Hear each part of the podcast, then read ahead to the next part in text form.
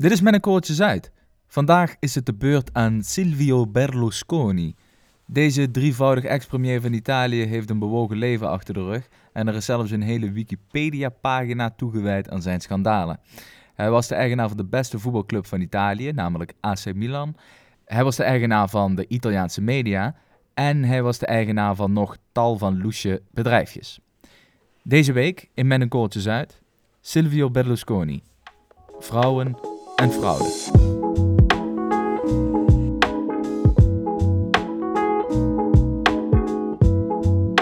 Auke, Max. we hebben natuurlijk al afleveringen gemaakt over Italië. Ja. Over, dat het, eh, over dat het in Italië zo fijn is en Of dat het in Italië zo rommelig is af en toe. Ehm, maar iemand die daar misschien wel hoofdelijk voor aansprakelijk is. eh, in ieder geval voor een heel groot gedeelte voor verantwoordelijk is. Of is geweest. Dat is de heer Silvio Berlusconi. Ja. Ja. En jij wordt helemaal enthousiast eh, als je die naam hoort.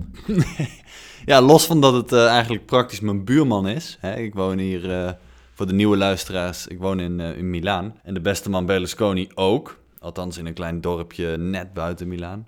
Steenworp afstand. Zijn sporen die, de, die hij heeft achtergelaten, die zie ik hier letterlijk dagelijks nog terug. Ik bedoel, op mijn hardlooprondje rent ik, ren ik langs zijn persoonlijke ziekenhuis, waar hij ook met uh, corona heeft gelegen. Ik ren door de allereerste wijk die hij ooit gebouwd heeft, zullen we het zo meteen nog over hebben. Ik ren langs het huis waar hij uh, de, de Boonga Boonga slash uh, seksslavinnen in had, uh, had zitten. Ja, ik kom redelijk veel tegen wat de vingerafdrukken van Berlusconi op zich heeft. Maar je komt nooit de beste man zelf tegen? Nee, nee, nee. Nee, ik denk niet dat je die snel tegenkomt. Die zit gewoon veilig in zijn villa daar. Hij heeft ook een villa in um, Parco Sempione. Ja, klopt. In het, uh, in, zeg maar het Vondelpark ja. van uh, Milaan heeft hij ook een, uh, ja, een villa. maar heb je dat wel eens gezien? Er Ja, staat een, een 8 lijp meter hoge heg omheen. ja, valt verder niks te zien. Wel een heel groot huis inderdaad. Ja, hij moet een beetje privacy hebben. Hè? Ja, tuurlijk. Gun die man dat ook. Ja, en voor de, voor de luisteraar misschien dat hij denkt... ja, maar waarom moeten we het in hemelsnaam gaan hebben... over een 80 jaar oude Italiaan... die ooit ook eens uh, minister-president van dat land was... en het, en het misschien een keer uh, wat vrouwen in zijn kelder heeft gehad. Uh, waarom is dat nou zo, um, zo spannend? Waarom is het zo, zo belangrijk?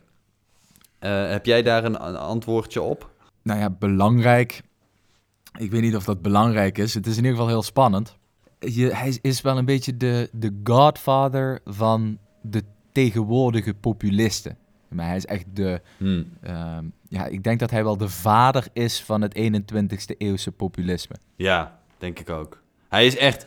Wat, wat Donald Trump nu is, dat, was hij, dat heeft hij dus uitgevonden in de jaren 90. Hij Ja. kwam met al dat soort eh, fratsen. Ja, en is, Italië was daar natuurlijk een fantastisch eh, ja, playground voor hem. Ja, Want daar kon hij al zijn, eh, al zijn stoutste dromen laten uitkomen. Maar daar zullen we in de loop van deze podcast wel, eh, wel achter komen. mhm. Het punt is alleen, waarom nu? Waarom wil je het dan nu over hebben? Nou ja, kijk, wat ik zei, ik, ik, kom, ik kom hem slash zijn vingerafdrukken veel tegen als ik hier een, een blokje ommaak.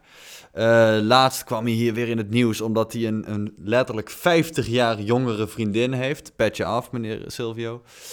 En Ja, dat heb jij niet. nee, nee. Ehm, hij wel. Hij heeft dat wel. En ja, daarom, kijk, het is natuurlijk een, een fantastisch markant figuur om het over te hebben. Hoe hij eh, dit land bestierd heeft alsof het zijn eigen, zijn eigen achtertuin was of is.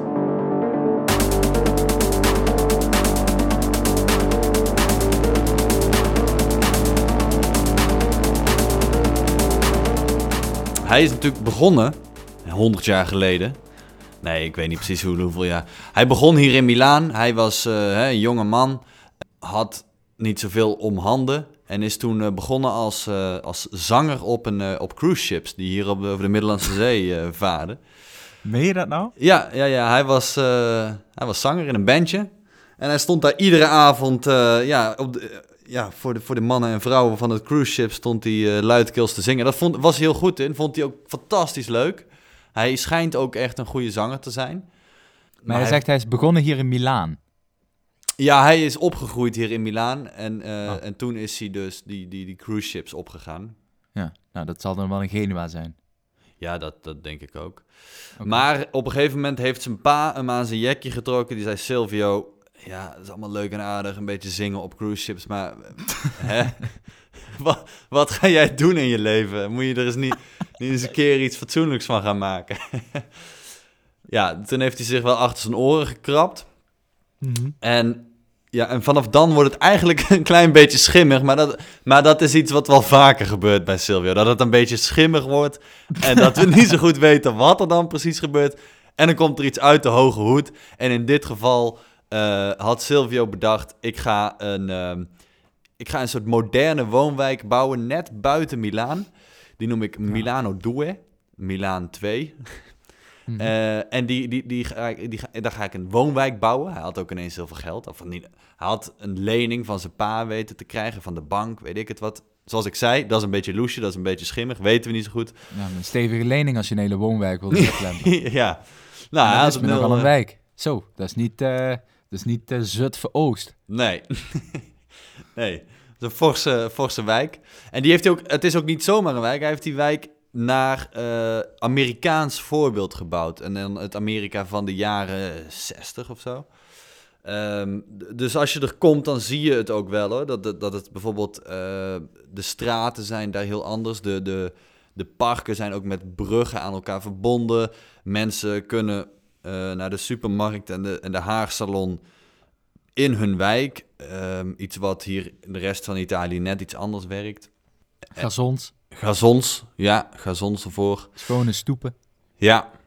Ja, ja, ja. Nou, hij had dat ding, hij had die wijk gebouwd, mensen erin gezet. En eh, zodoende werd hij eigenlijk al vrij snel een, eh, een rijke zakenman. En, en werd hij ook wel redelijk bekend in Italië. Hij was, een, hij was gewoon een, een, een, de flitse, jonge, rijke zakenman uit Milaan die het gemaakt had. Ja, Eh. wat dat betreft eh, ook weer eh, ja, redelijk te vergelijken met de heer Donald Ja, Trump. Ja, ja, precies. Nee, er zijn heel veel vergelijkingen tussen die twee knakkers. Ehm, op de haarkleur na misschien. Maar ehm, ja, Nou, in beide gevallen grijs. ja, dat denk ik ook wel. Ja, ik denk dat ze wel allebei een flinke dos verf erin knikkeren iedere week. Ja, nee, dat is waar. Dat is waar. Ja, ja. ja. Maar goed, die gast die heeft dat imperium, die bouwt die wijk. ja. En hij denkt, eh, ik moet wat. Want nu heb ik een wijk, nu heb ik geld, eh, maar ik wil meer. Ik wil, ik wil, ik wil nog iets, iets gaafs gaan doen. En ja, destijds was natuurlijk het, eh, ja, televisie was in opkomst. En in Italië, moet je voorstellen, destijds, dan hebben we het dus over de jaren, ja, jaren 70, was televisie hier in Italië, ja, eigenlijk weet je hetzelfde als in Nederland, maar dan nog saaier. Je had gewoon twee zenders, zwart-wit natuurlijk, waarop gewoon de hele dag een, een suffe oude man achter een bureau met een sigaar in zijn hand dingen aan het vertellen was. Of er waren twee eh, politici in gesprek met elkaar. Of er waren, waren literatuurlezingen. Oftewel, het was allemaal niet... eh, het, het spektakel spatte niet van het beeldscherm, eh, laat ik het zo zeggen. Dat is trouwens nog steeds zo in Italië. Ja, het is die hele, hele rare... Het is op de kabeltelevisie. Mhm. eh, laten ze sowieso allemaal films zien uit eh, het wijnjaar nul. Zo, en, ja. ehm, en ook allemaal van die rare praatprogramma's dat je denkt, nou jongens, hier, het kan niet zo zijn dat hier nou iets in verteld wordt waar de mensen eh, of heel veel rijker of heel veel slimmer van worden. nee. Even die oude, oudbollige dingetjes. Het gaat Ja. heel- ook heel vaak over eten trouwens, dat is dan wel wel mooi. Ja, dat klopt. En, over sport. spectaculaire programma's natuurlijk, op vrijdagavond en zo. Nee, nee, nee, nee. Oh, verschrikkelijk. Nee, maar, maar Silvio die zag daar dus een gat in de markt. En die dacht, ik ga een eh, tv-netwerk beginnen, Mediaset.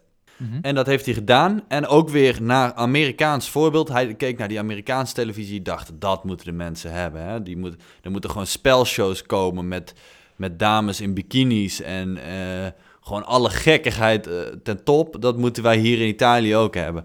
Ja. En dat, eh, dat heeft hij voor elkaar gekregen. Hè, ik verkocht het hier natuurlijk een beetje. Want het was niet zo dat hij eh, op een dinsdag bedacht... ik ga een, een, een televisie, televisie-imperium opzetten... en de volgende dag had hij dat.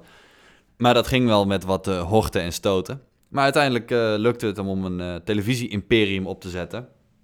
En daarmee wist hij natuurlijk ook meteen de markt te veroveren. Uh, want het was dus ofwel een suffe oude man met een sigaar, ofwel de fantastisch grappige, leuke televisieshows van Silvio. Uh, ja, ja, dat is de keuze snel gemaakt. Ja, dus heel Italië was verknocht meteen aan zijn uh, televisieprogramma's. Door dat media-imperium is hij van heel rijk, is hij ongelooflijk rijk geworden. Dus van een paar... Exorbitant rijk. Ja, is hij echt, echt exorbitant rijk geworden. Mil miljardair zeg maar. Ja, is gewoon miljardair, die mhm. man. Maar uh, spreken we dan over een, uh, een, een monopolie? Ja, je kan wel zeggen... Nou ja, hij had dus officieel geen monopolie. Hij, hij, heeft ook allemaal, hij is allemaal in de problemen gekomen met de wet... omdat hij dus inderdaad een monopolie had. Dat mocht niet. Nou ja, uiteindelijk veranderde de wereld toch wel in zijn voordeel. Zo'n zo zo'n Italiaanse staat die kon ook niet heel lang volhouden... dat uh, de, de televisie in handen van de staat moest zijn. Want die zagen ook wel dat uh, mensen uh, zijn televisie wilden kijken. Overigens is het een keer gebeurd dat, uh, ja, dus dat hij weer problemen had met zijn televisienetwerk. Toen heeft de Italiaanse staat gezegd, basta, nu is het afgelopen. We zetten je scherm, we, we zetten je, je, zenders op zwart. Toen zijn er dus letterlijk mensen in Rome en Napels en Milaan de straat op gegaan in protest omdat, omdat hun favoriete televisieprogramma's van de buis gehaald waren. Ehm, wow. Ja. Oké, dat zegt wel iets over... De... Kijk, ik weet dat Italianen echt belachelijk veel televisie kijken. Vooral ook in de keuken. Iedereen heeft een kleine televisie in de keuken. Als iemand nog de uien staat te snijden of een pastaatje staat te rollen... dan wordt er gekeken naar allerlei hele vage programma's.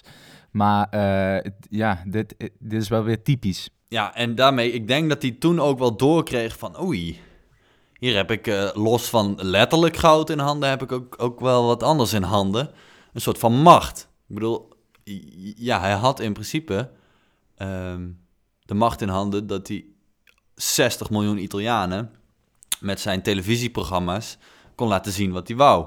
En dat heeft hij wel slim, uh, slim uitgebouwd. In de tussentijd, uh, hè, als wat zijstapjes, kocht hij een voetbalclub AC Milan. En die wist hij in, in no time de beste club van het land te maken. Dus heel Milaan was verliefd op hem, want hij had hun voetbalclub uh, landskampioen gemaakt. Ja, van de uh, wereld hebben ook Champions League titels gehaald. Hè? Ja, ja, ja, ja. En volgens mij was het ook tijdens een van die momenten dat hij dus dat, dat hij het landskampioen of Champions League had gehaald. En dat mensen uh, hem toe begonnen te juichen. He, ze hadden, hadden, gewonnen, feest in de straat in Milaan. Nou, Silvio kwam met zijn limousine aan als eigenaar van de club. En mensen die, die, die schreeuwden en die waren blij. En dat er toen naar hem geroepen werd van... Uh, Silvio, jij moet president worden, presidente. En toen, volgens mij heeft hij toen wel een beetje bedacht van... Oeh, daar zeg je me iets. Daar moet ik eens, uh, daar moet ik eens achterna gaan. Ja, nee, ja, goed, dit is natuurlijk een leuk anekdotisch lulverhaal, maar dat zal hij zich al wel eerder hebben bedacht. ja, wie weet, wie weet. Maar wat uh, voor een, uh, zeg maar, ik, ik weet natuurlijk wel wat achteraf uh, zijn politieke insteek is geworden, maar wat was in de basis, hè? dus hij bepaalt van oké, okay, dat is leuk en aardig, we hebben dit succes, maar nu wil ik ook wel een keer ruiken aan dat politieke succes. Mm -hmm. Maar met wat voor een soort politieke agenda is hij daarin gegaan? Wat, wat is zijn... Nou, zijn politieke agenda die was eigenlijk uh, volledig leeg. Er was geen politieke agenda. Hij had niks te melden. Hij had geen plannen met Italië. Uh, eigenlijk de enige reden dat hij de politiek in is gegaan, even, dit is mijn uh, visie erop, hè, is om zijn eigen hachie te redden. Want in de jaren voordat hij dus echt daadwerkelijk minister-president van Italië werd, begon het al een beetje claustrofobisch te worden voor Silvio. Want uh, in zaken zijn gebouwde woonwijk, in zaken zijn media-imperium, het was allemaal een beetje loesje. En daar begon de staat ook wel aan te ruiken. Dingen als uh, belastingontduikingen, ah, omkopingen, ja. uh, dat soort zaken. maar dit ja. klinkt gewoon als, gewoon de, als maffia-praktijken. Nou, ja, jij zegt het, maar, ja. Maar is dat ooit onomstotelijk bewezen? Ja en nee. Uh, ja, hij is, hij is uiteindelijk ooit wel echt veroordeeld, maar voor iets wat totaal niet in verhouding staat met wat hij eigenlijk echt op zijn kerfstok heeft, hoor. Hij is volgens mij, uiteindelijk heeft hij, maar dat, dan hebben we het dus al over 2011, is dat volgens mij geweest. Toen is hij uiteindelijk ver- veroordeeld voor wat, wat minuscule eh, belastingontduiking. Maar ehm, hij was al wel eerder voor veel grotere vergrijpen veroordeeld, waarvoor hij ook zeven jaar de bak in zou moeten. Eh, maar die is op het laatste moment in een hoger eh, beroep is dat eh, toch van tafel geveegd. Nee, maar ja, zijn politieke agenda in de jaren negentig, ja, het was echt alleen om zijn eigen hachje te redden. En hij is, ehm, zoals hij het zelf zegt, wat zijn grootste talent is, is om mensen van hem te laten houden. Hij is, heel, hij is ongelooflijk charmant, ongelooflijk charismatisch. En hij weet bij de mensen de juiste knoppen in te drukken. eh, zodat ze op hun blote knieën God bedanken voor Silvio.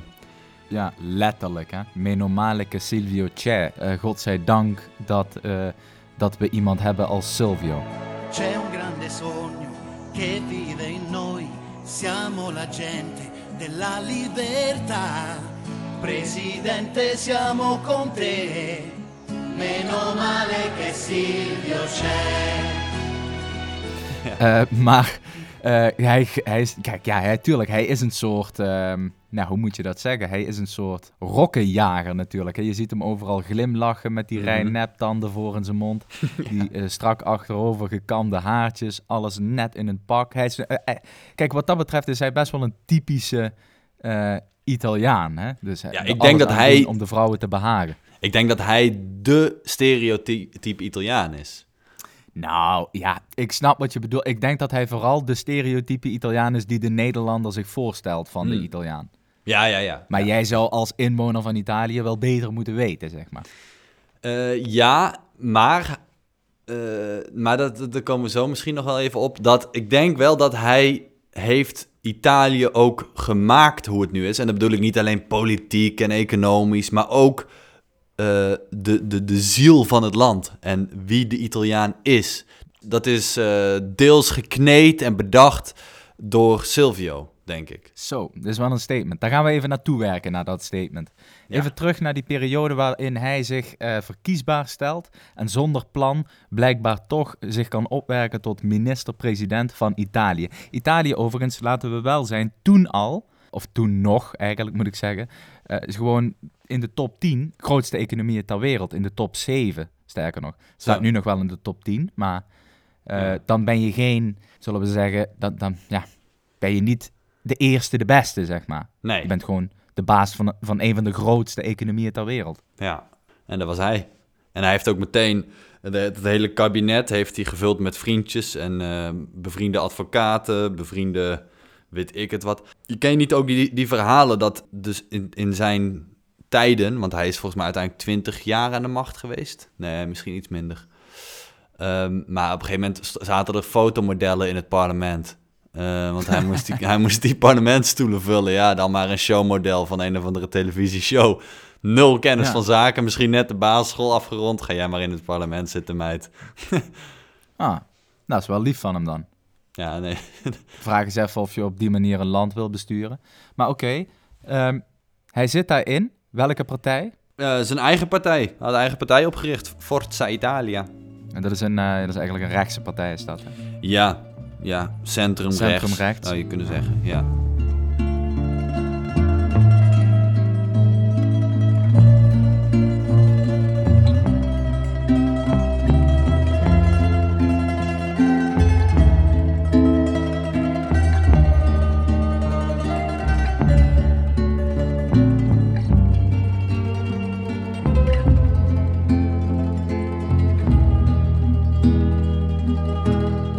Oké, dus Silvio Berlusconi die is minister-president van Italië. En eh, we noemden het net al in het begin van deze podcast, namelijk dat dat de voorloper is geweest van het huidige, laten we zeggen, eh, Trumpiaans zou je het wel kunnen noemen, populisme. Ja. Ehm, en volgens mij, tenminste als je dat aan mij vraagt, maar ik ben geen expert, eh, heeft dat ook wel veel te maken met zijn soort post-truth wegwuiven van, eh, van, van, van kritische vragen of van kritisch onderzoek aan zijn adres. Als eh, dit is campagneretoriek, dit is een linkse aanval, dit komt van mensen die mij eh, mijn positie niet gunnen. Daar was hij heel sterk mee. Dus als hem werd verweten dat, weet ik veel, dat er weer fraude was bij een van zijn bedrijven. Of dat de, dat de Italiaanse economie op instorten stond. Dan zei hij, waar heb je het over? Het gaat hier top. Toen, dus bijvoorbeeld in 2011, hè, dus in de, in, de, in de hoogtijdagen, zal ik maar even zeggen, van de eurocrisis. Ja. Toen zei hij, jongens, waar hebben jullie het over? Er is hier helemaal geen crisis. De restaurants zitten hier vol. Het gaat hier top. En dat is een beetje, ja, dus, dus natuurlijk lachen voor ons en denken, ja, wat ben je voor een idioot? Eh, gewoon mega zware eurocrisis. Maar dat is uiteindelijk toch wel een soort eh, ja, geaccepteerdere manier blijkbaar van politiek voeren eh, geworden. Want je ziet het in Amerika, je ziet het in een aantal andere landen in Europa, maar je ziet Mhm. het ook in Nederland. Hè? Dus dat er gewoon, dat gewoon waarheden worden weggewuifd als zijnde, dit is totale onzin. Ja, absoluut. En je, eh, ja, het probleem in Italië is, dat zei ik net al, hij was de baas van de media. En voordat hij eh, premier was geworden, had hij dus de commerciële zenders, was hij een soort John de Mol. Eh, Maar daar komt dan, daarna was hij dus eh, minister-president en had hij dus eigenlijk ook nog zeggenschap op, over alle staatstelevisie, de, de NPO. Dus, daar, Mhm. dus hij had, due. Precies, ja. Eh, nou, tel die bij elkaar op en, en, en, en gooi daar een kleine mix van eh mafiosa-praktijken in. En je zorgt ervoor dat er nooit een kritische noot komt op televisie over jouw beleid. Of dat er een kritisch vraaggesprek, in, vra- vraaggesprek komt. Ehm, Er zijn een aantal voorbeelden geweest van eh, journalisten die, eh, ja, die andere journalisten interviewden. Want die hadden het een en ander eh, ontdekt. Die hadden wat papieren gevonden. Die hadden wat belastingfraude opgeduikeld. Ehm, nou, dat was een schandaal. Dat was op televisie, werd dat live uitgezonden. De, de, de volgende dag stonden die twee op straat. Die hebben geen werk meer gevonden. Die waren klaar. Die hoefden niet meer terug te komen als journalist op de televisie. Mhm. Dat vind ik, dat, dus dat soort praktijken, dat, dat, dat, was hier, dat was hier normaal. Dat gebeurde gewoon. Eh, en daar kan je ook vrij weinig tegen inbrengen, want ja, Berlusconi is de baas. En daarmee bedoel ik te zeggen wat ik net zei. Hij heeft dus een beetje dat Ameri- eh, Italiaanse stereotype gesmeed. Ehm, hij heeft natuurlijk de 20 jaar lang, 24 uur per dag, in iedere Italiaanse keuken eh, zijn denkbeelden van wat er op televisie moet komen, eh, de, de, de, de huiskamers en de keukens ingeblazen. Ja. Ehm, dus als je nu terug gaat kijken naar wat er in de jaren 90 in Italië op televisie kwam, dat, dat, dat, dat is bizar. Dat zijn zulke rare programma's. Eh, sowieso in ieder televisieprogramma staat een vrouw met cupmaat D in, een, eh, in slechts een bikini. Eh, die staat er voor de show bij. Die staat daar voor, voor Mhm. de scoreborden en zo en dat soort zaken. Maar ook, ook spelshowprogramma's die totaal bizar zijn. Altijd ook heel seksistisch. Eh, ja, goed, terwijl het blijft een eh, audiovisueel medium natuurlijk. ja, ja, ja, maar als je bedenkt, Italië, hartstikke katholiek eh, land. eh, Ja. en, en toch allemaal van die zwaar oversexte programma's de hele dag de buis opslingeren. Mhm. Eh, ja, dan krijg je als resultaat dat, hè, dus in het einde van Berlusconi is hij natuurlijk veroordeeld vanwege al die, al die seksfeesten, die boonga boonga parties.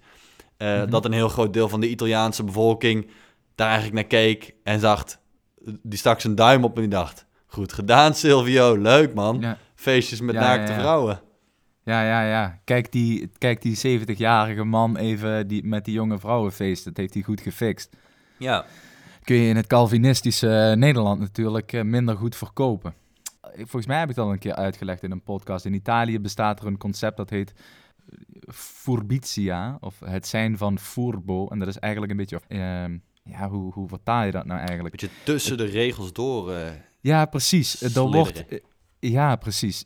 Dus bijvoorbeeld ook als je op een universiteit zit en je fraudeert hier en daar een beetje en je kopieert hier en daar een zinnetje of je plagieert hele lappen tekst en ze komen erachter, dan zullen ze niet zo veroordelend zijn als dat ze misschien op een, op een eh, Noord-Europese instelling zouden zijn. Omdat ze toch respect hebben voor mensen, en ik zeg dit heel kort door de bocht, maar in Italië is het respect voor mensen die de eh, grenzen opzoeken en hier en daar een beetje overschrijden, eh, ja, veel groter dan, dan in, in bijvoorbeeld landen zoals Nederland. Ja. Dus ik kan me voorstellen dat zij in die leider van die, die Berlusconi, zeg maar, die, die eigenwijze ja, soort regeerstijl. Het is eigenlijk helemaal geen regeren wat hij doet. Hij doet eigenlijk maar wat. Alle regels aan zijn laars lappend. Kan ik me voorstellen dat een Italiaan daar toch nog warm voor kan lopen. Ja. Anders Ja, ja. misschien Dan, een, eh, dan een Nederlander. Ja. Nee, denk ik ook. Je ziet bijvoorbeeld, eh, en, en echt waar, eh, lieve luisteraar, dit moet je echt even op, op YouTube opzoeken. In, ik, dat was denk ik ook weer 2010, 2011 was er een NAVO-top. In Duitsland werd die gehouden. En eh, Angela Merkel, die was natuurlijk de gastvrouw als, eh, hè, als hoofd van Duitsland, als regeringsleider. En eh, nou ja, al die NAVO-landen, al die regeringsleiders komen daar dan natuurlijk met hun auto aan. Die stappen uit. Zij staat daar bij de rode loper. Zij schudt de hand van een Mark Rutte, een Sarkozy, ehm, Obama, denk ik ook dat hij er was. Ehm, en dan komt Silvio Berlusconi aan. en de beste man, die, eh, de deur zwaait open van zijn auto. Ehm, hij zet een, voet naar buiten. Ene hand heeft hij zijn telefoon aan zijn oor. Andere hand wijst hij even naar, naar Merkel. App. Momentje, ik ben even aan het bellen. hij stapt uit, al bellend. Hij loopt niet naar Angela Merkel. Nee, hij loopt even een blokje om, om de auto. Ehm, en hij laat haar wel geteld een minuut of vier à vijf wachten, terwijl hij aan het bellen is. Met de ene hand nog gebarend. Ik kom eraan, momentje, kom eraan. Eh, en de hele wereldpers die staat daar omheen. Merkel zie je in het begin nog glimlachen, maar dat gezicht dat begint steeds verder te vertrekken. Van wat flik je me nou? Je, staat je, laat me hier gewoon wachten op de rode loper van de NAVO-top. Eh, al bellend met weet ik het wat. Ja, dat zijn fratsen die, weet je, dat is zo onbeschoft. Maar dat, eh, dat vinden de Italianen dan toch wel, eh, wel mooi als ik dat zo teruglees.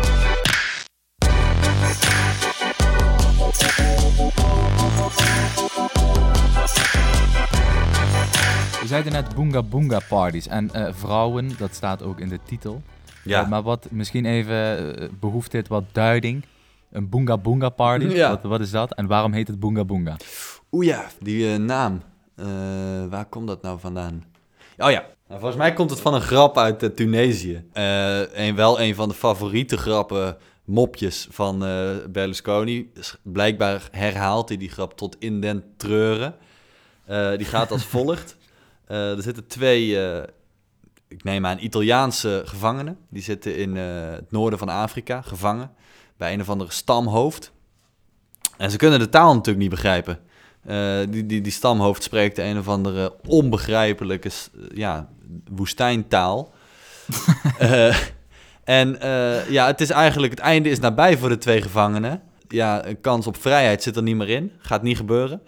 Dus die stamhoofd komt naar die ene, de eerste gevangene, en die vraagt, die, doet, die, die steekt zijn, zijn vinger op en die haalt die langs zijn keel. Dat is optie 1. Of de tweede optie is boonga boonga. Ja, die is er gewoon, weet niet, ja, weet niet. Ja, dan, nou, doe dan maar, eh la- hak mijn kop er maar af, eh, het is klaar. Nou, oké, die kop wordt eraf gehakt. Ehm, die tweede gevangene, ja, die ziet dat, die denkt, ja, weet je, wat, wat, wat, hoe erg kan het zijn? Dus die zegt, nou, doe mij maar boonga boonga. en dan haalt hij, eh, dat stamhoofd haalt 50 eh, mannen tevoorschijn. Die 50 mannen, die gaan er, eh, hoe zeg je dit netjes op, op een podcast? Ja, die hebben eh, gemeenschap. Ja, die hebben met z'n vijftig omst, omst de beurt eh, gemeenschappen met de gevangenen. En vervolgens gaat alsnog zijn kop eraf.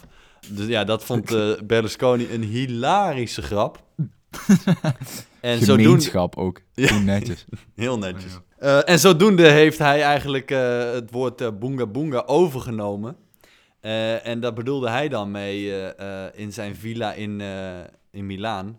Eh, feestjes organiseren met heel veel eh, net iets te jonge modellen. En dan eh, ging hij daar met een paar vrienden ging die daar mee feesten. En wat daar dan Mhm. allemaal mee gebeurde, ja, dat is allemaal een beetje... Dat is weer schimmig, hè? Dat is dan weer heel schimmig wat daarmee gebeurd is.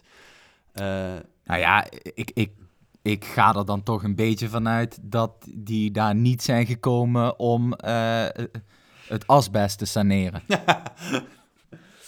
nou ja, Max, dat heb je dan dus fout. Want het eh, hele pand is dus volledig gesaneerd. ja, zat helemaal vol met asbest. heeft hij dus al die modellen voor laten komen. Het is nu, het is nu zo schoon als wat. Nee, klopt. Eh, nee, goeie.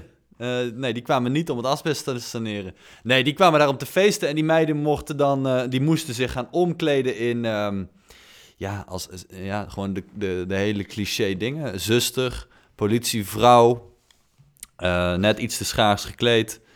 Ehm, en dan, eh, ja, nou, was het feest voor Silvio en zijn vrienden.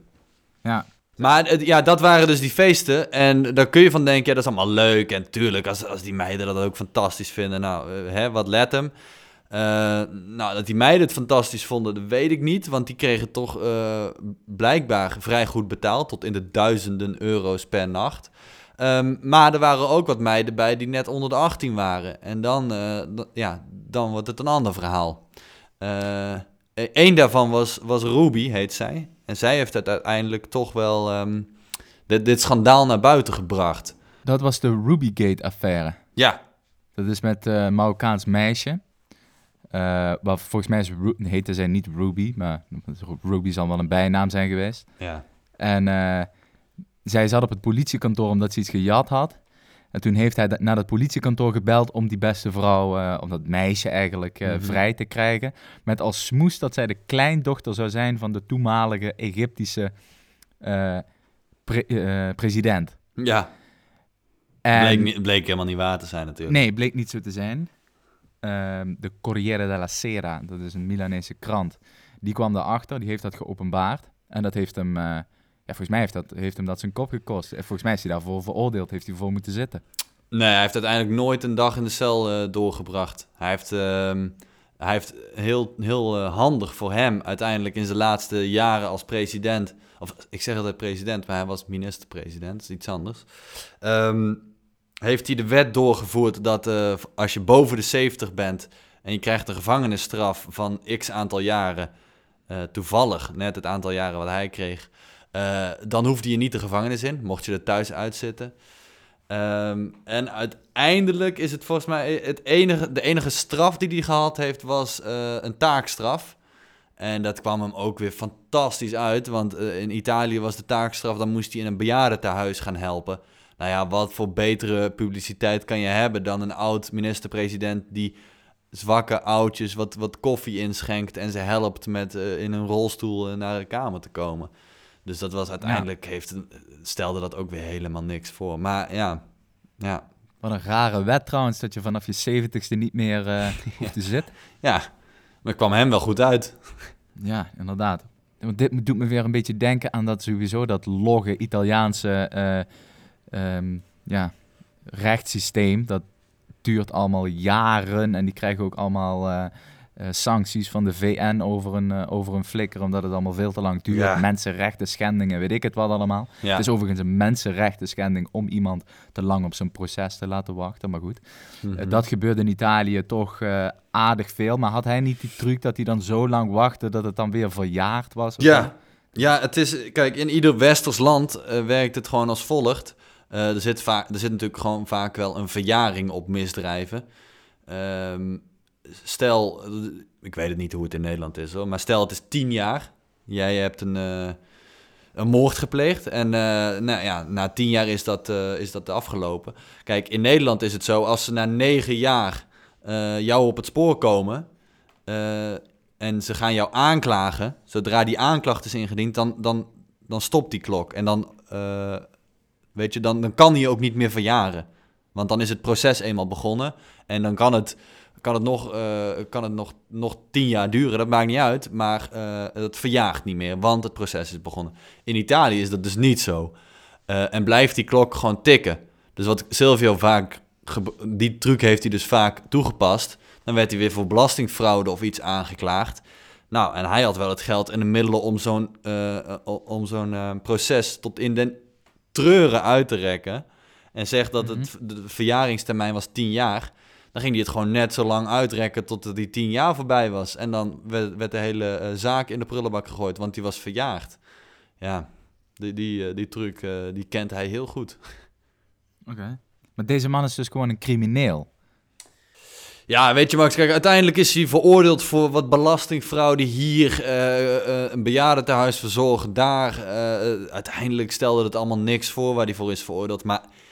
het Hij is niet veroordeeld voor het verzorgen van een bejaardentehuis. Nee, natuurlijk, nee, nee dat punt. was dus, dus een straf. eh, nee. maar eh, kijk, uiteindelijk zijn het allemaal peanuts in vergelijking met waar hij voor is aangeklaagd. Eh, en dat is allemaal best wel fors hoor, wat hij ja, toch allegedly op zijn kerfstok heeft. Maar wel een leuke voetbalclub.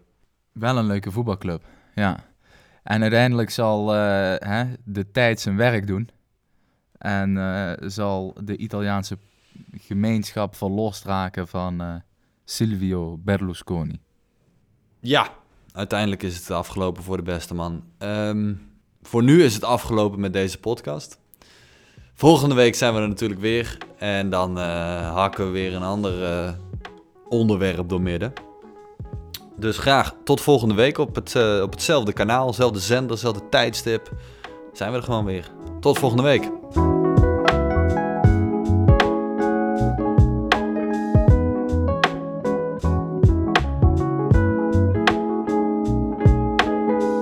Deze podcast werd gepresenteerd door Max Severijns en door mij, Auke Roos. De intromuziek is van Antal van Nie. De cover art is gemaakt door Jules Jansen. En kijk voor meer informatie op korreltjezuid.nl